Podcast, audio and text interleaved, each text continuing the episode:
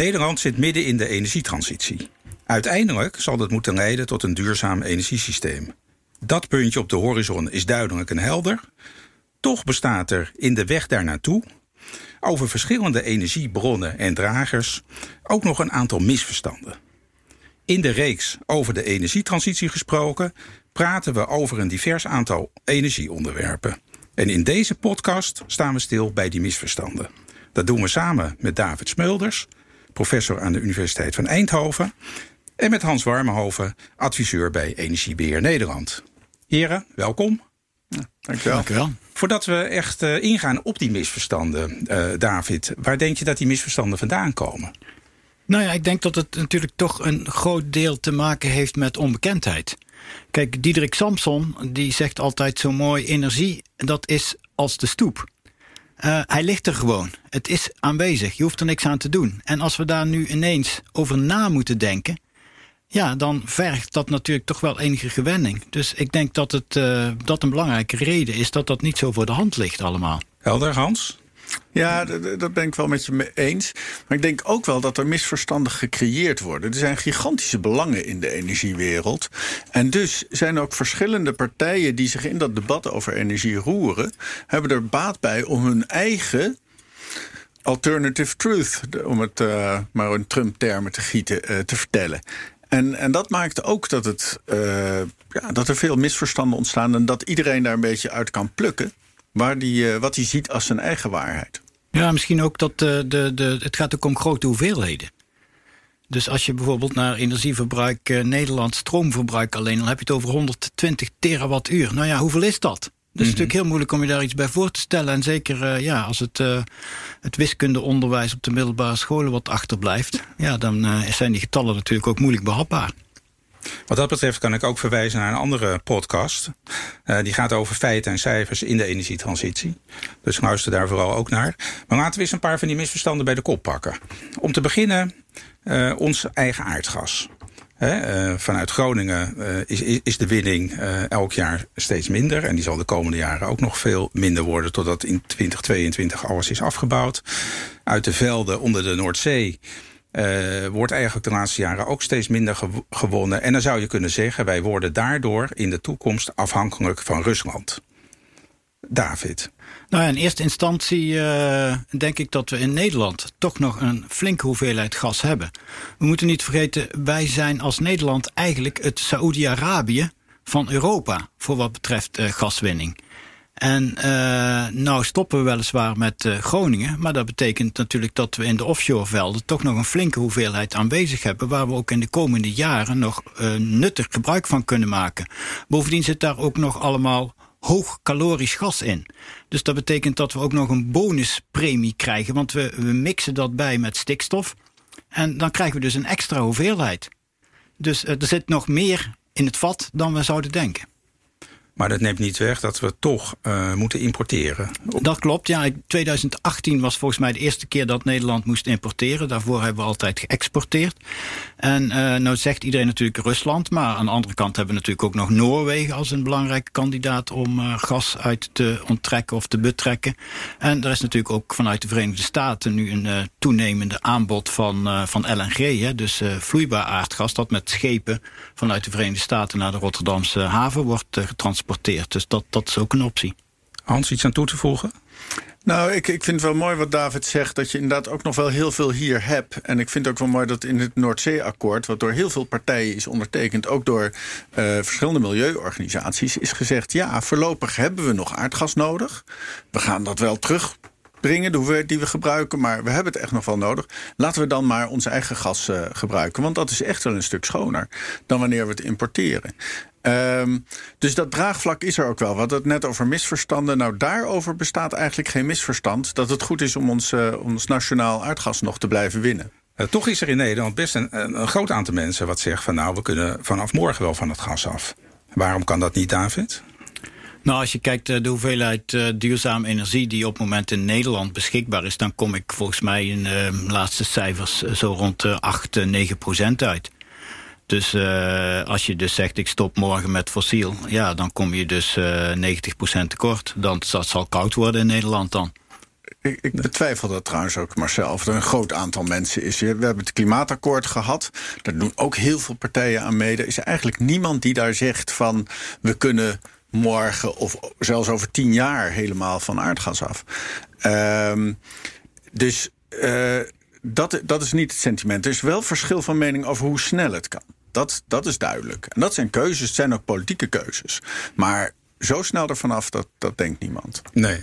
Ik chargeer bewust een beetje, Hans, maar je hebt helemaal gelijk hoor. Ja, ja. En ik denk ook dat we op, op wereldniveau moeten kijken. Het is natuurlijk toch zo dat uh, Nederland natuurlijk wel een, uh, een, een, aparte status heeft vanuit onze optiek.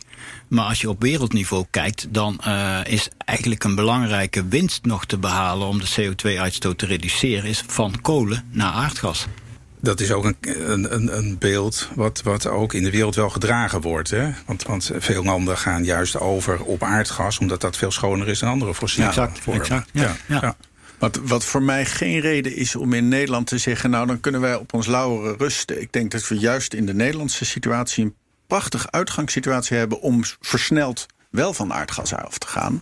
We hebben uh, een, een prachtige gasinfrastructuur. Die kunnen we heel goed benutten om een transitie te ondergaan naar schonere gassen. En laten we dat dan ook maar doen. Daar kunnen we laten zien aan de rest van de wereld hoe dat dan straks kan. En we doen kennis op, uh, waar we ook uh, buiten Nederland, buiten Europa...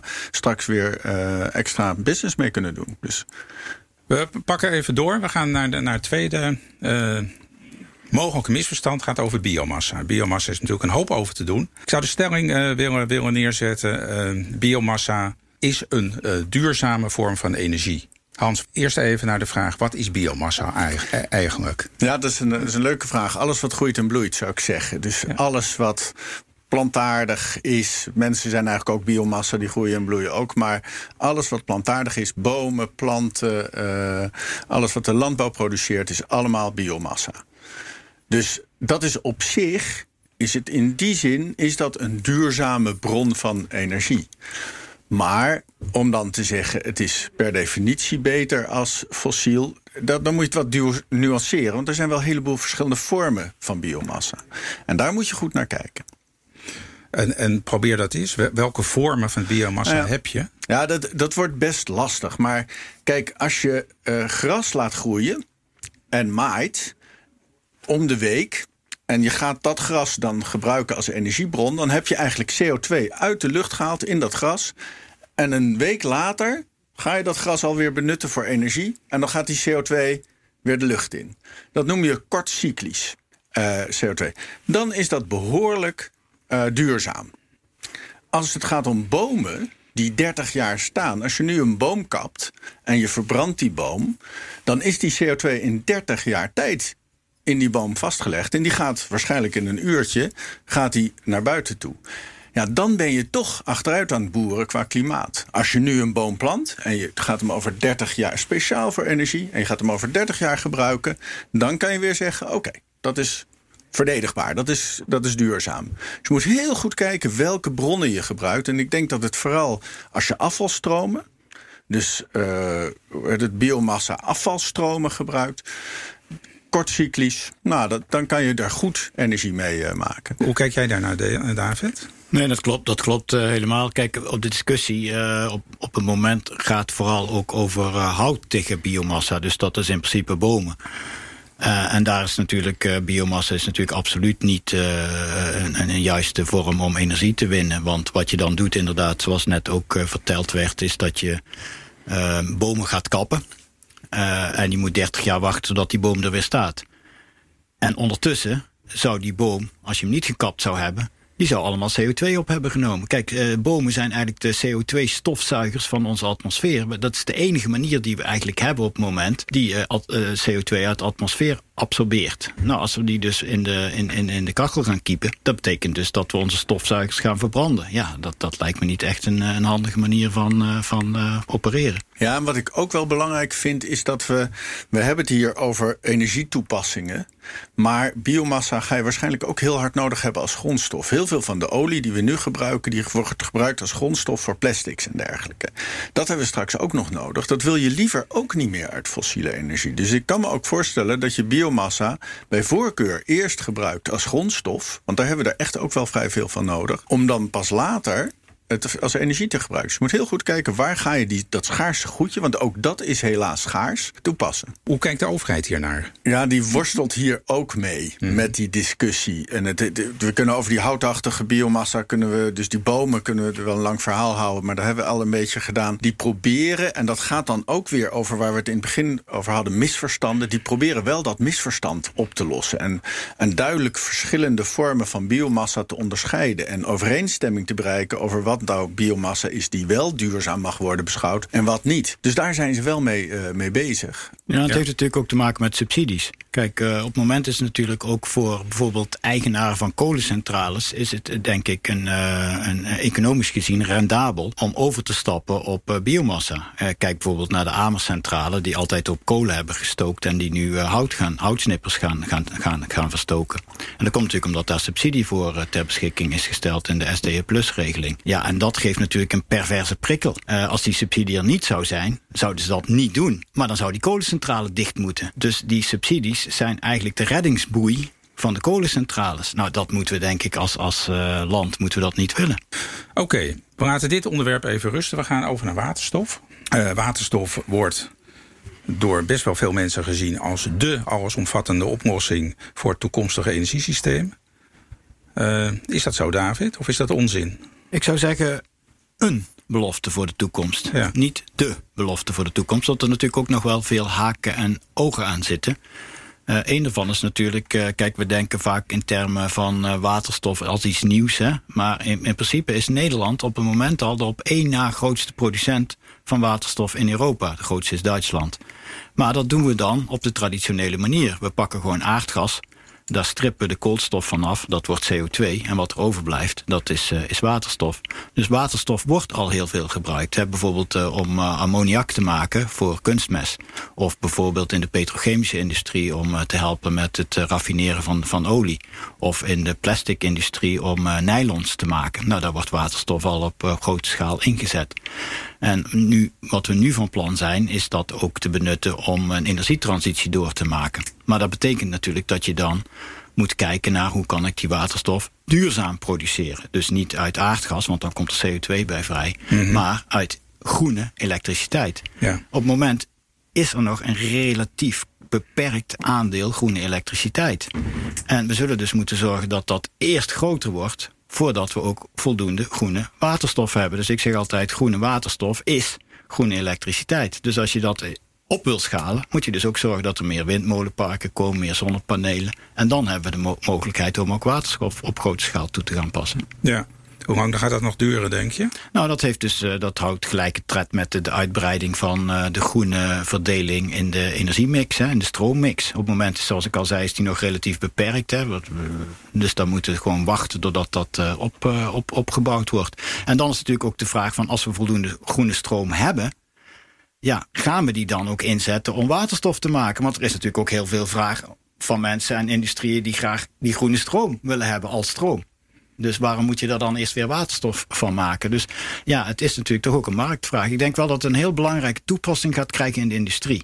Waarbij je natuurlijk hoge temperaturen moet hebben. Denk bijvoorbeeld aan Tata Steel. Ja, die zullen op een gegeven moment ook iets moeten verbranden. Nou, en als je waterstof verbrandt, komt er water bij vrij. Verder niks. Dus dat betekent dat je dan dat als een mogelijke brandstof voor de toekomst kunt zien. Nou, ik, ik moet ook weer denken aan die misverstanden. Een van de misverstanden die ik wel zie rond waterstof... is dat men denkt van, oké, waterstof, dat wordt het. Maar waterstof is net als elektriciteit een energiedrager. Het is geen energiebron. En dat verge- men vergist zich daar dus wel eens in. En eh, wat David terecht zegt, als je waterstof hebt... Leg nog eens even uit wat het verschil is tussen Nou, een als je- drager en bron. Ehm, eh, een boom, die kan je verbranden en er komt warmte uit. Dus een boom kan een energiebron zijn. Aardgas is een energiebron. Wind is ook een energiebron. Daar kan je energie uithalen, die kan je in een andere vorm omzetten en dan gebruiken. Waterstof kan je nergens winnen. Dus je maakt waterstof, je maakt het of uit duurzame elektriciteit, of je maakt het uit fossiele energie. Maar dus het is geen bron, het is een energiedrager, net als elektriciteit dat is. En daar moeten we ons heel goed eh, bewust van zijn. En dan moet je keuzes gaan maken. Je kan namelijk zeggen, we gaan heel snel over op een heel waterstofsysteem. We gaan aardgas gaan we zo snel mogelijk vervangen door waterstof. Maar aangezien je, wat David ook zegt, niet genoeg duurzame elektriciteit hebt om het te maken, moet je het dan maken uit fossiele energie. En dan ga je de CO2 opslaan. Mhm. Dan heb je wel een klimaatvriendelijke oplossing, maar je bent nog wel afhankelijk van fossiele energie. Je kan ook langer wachten. En uh, pas als je heel veel duurzame elektriciteit hebt, veel waterstof gaan maken. Dat zijn keuzes, dat zijn systeemkeuzes. Daar moeten we goed over nadenken. En dan moeten we ook een knoop doorhaken. Nu, nu is de, de Duitse overheid die. Uh, die heeft 9 miljard uh, geïnvesteerd in de Duitse waterstofeconomie. Frankrijk is ook uh, hard bezig uh, om ongeveer hetzelfde te gaan doen. Mo moeten wij als Nederland daaraan gaan meedoen? Aan, aan die, die grote investeringen? Of hoe zien jullie dat? Nou, ik denk wel dat er iets moet gebeuren, ja. Ja, dat denk ik wel. Want uh, kijk, je kunt inderdaad, uh, zoals net ook gezegd wordt, op elkaar blijven zitten wachten. En dan uh, het risico nemen dat Frankrijk of Duitsland straks met het, de kluif er vandoor gaan. En dat wij achterblijven. je loopt natuurlijk altijd het risico dat als je vol gaat inzetten, dat je op een gegeven moment mis schiet. Dat het een andere oplossing uiteindelijk de, de, de oplossing voor de energietransitie zal blijken te zijn. Maar juist op deze fase investeren is relatief goedkoop. Als je kijkt hoe duur een energiesysteem is, hè, bouw, bijvoorbeeld maar een kerncentrale, nou die kost miljarden. Maar als je nu zegt ik investeer een paar miljoen in een mogelijke oplossing, dat is natuurlijk ongelooflijk goedkoop. Als je dat niet doet, heb je straks wel het risico dat je die miljarden ergens anders zult moeten kopen. Oké, Hans, we gaan het hebben over uh, kernenergie. Is kernenergie niet een te besmet woord in Nederland? Ja, ik vind dat heel moeilijk zelf te antwoorden. Ik heb bij Borselen gedemonstreerd, bij Dodewaard gedemonstreerd. Ik heb er op, op allerlei manieren verzet tegen kernenergie. Um, maar ik moet erkennen dat, dat ik denk dat je gelijk hebt.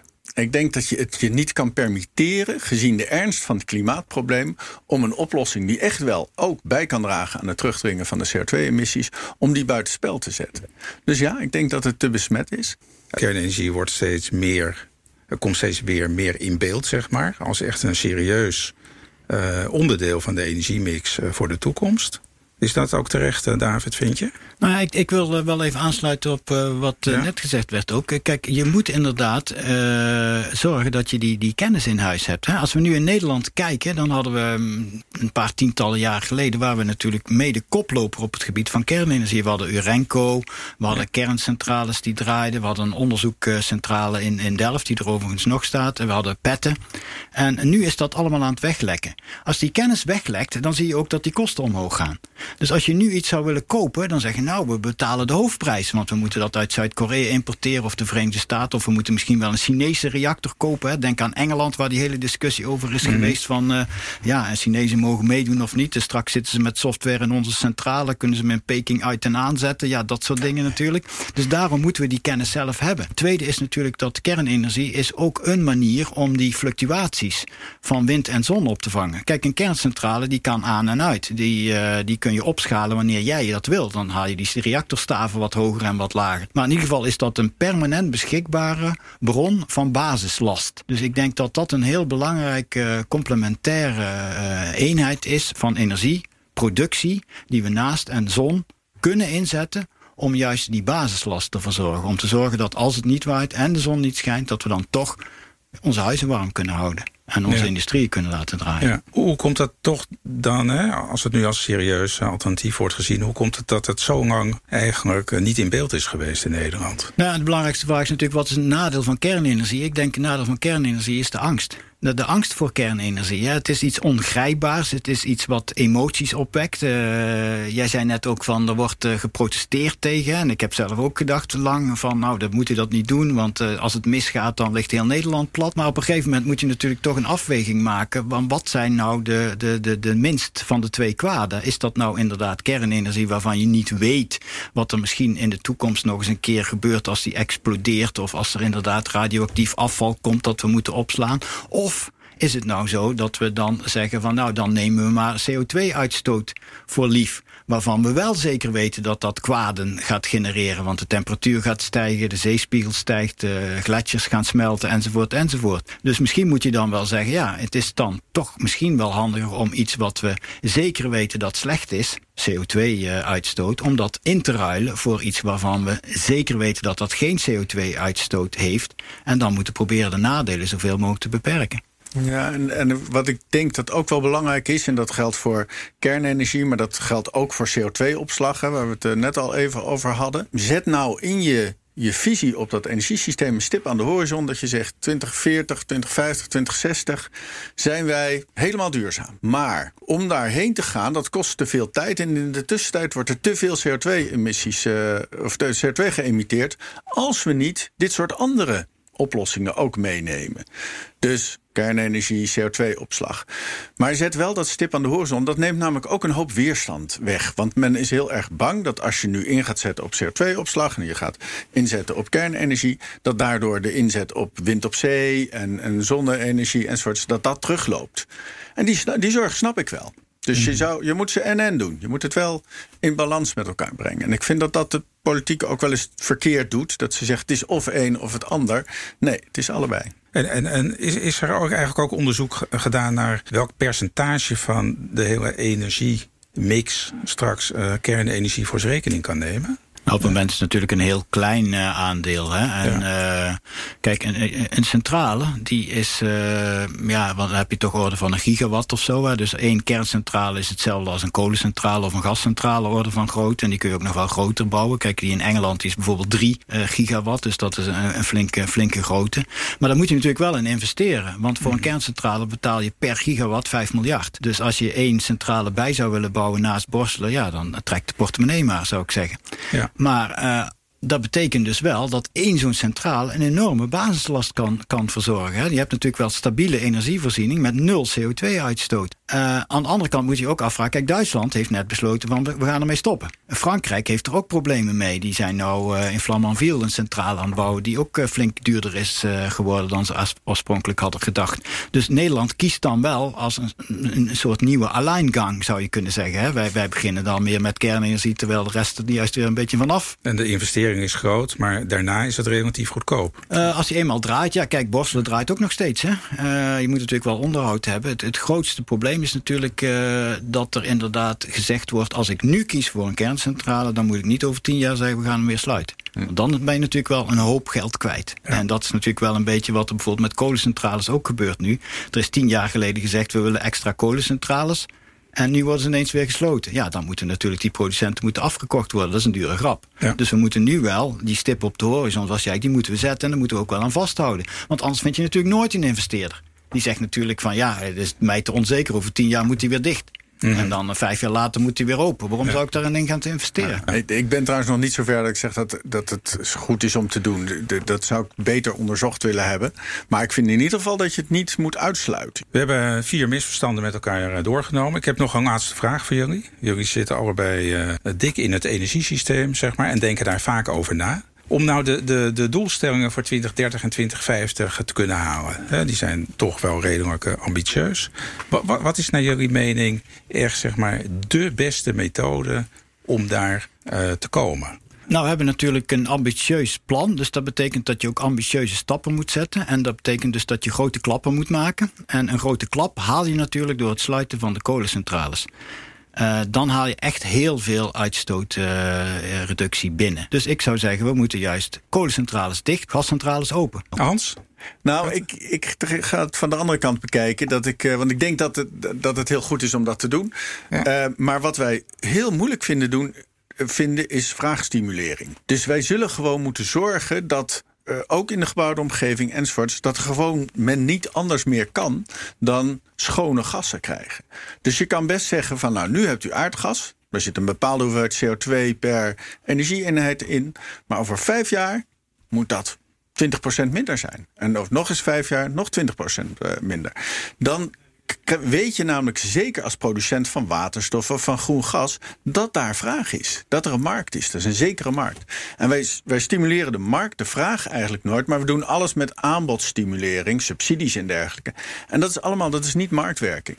Dus ik denk dat we veel meer moeten doen aan vraagstimulering, CO2-beprijzing. Laat die markt het maar, uh, maar oplossen. En waar leg je dan de regie neer in zo'n. Uh... Oh, ik denk dat, dat de overheid gewoon moet zeggen van. Uh, net als je een emissiehandelssysteem hebt voor de industrie, kan je gewoon zeggen: de gemiddelde CO2-inhoud van het gas wat in een huis geleverd wordt, moet stap voor stap naar beneden. Ja. En die, die lijn die leg je vast, nu al. En dan weet iedereen dat ook. Dan kunnen de energiebedrijven daarop uh, gaan voorbereiden om, om andere energiebronnen te kopen enzovoorts. We zijn aan het eind gekomen. Hartelijk dank ja. voor jullie bijdrage. Dankjewel, leuk. En ik moet nog even zeggen dat dit een podcast is in de serie over de energietransitie gesproken. En deze podcast is te beluisteren via de kanalen van EBN en ook via de website van BNR.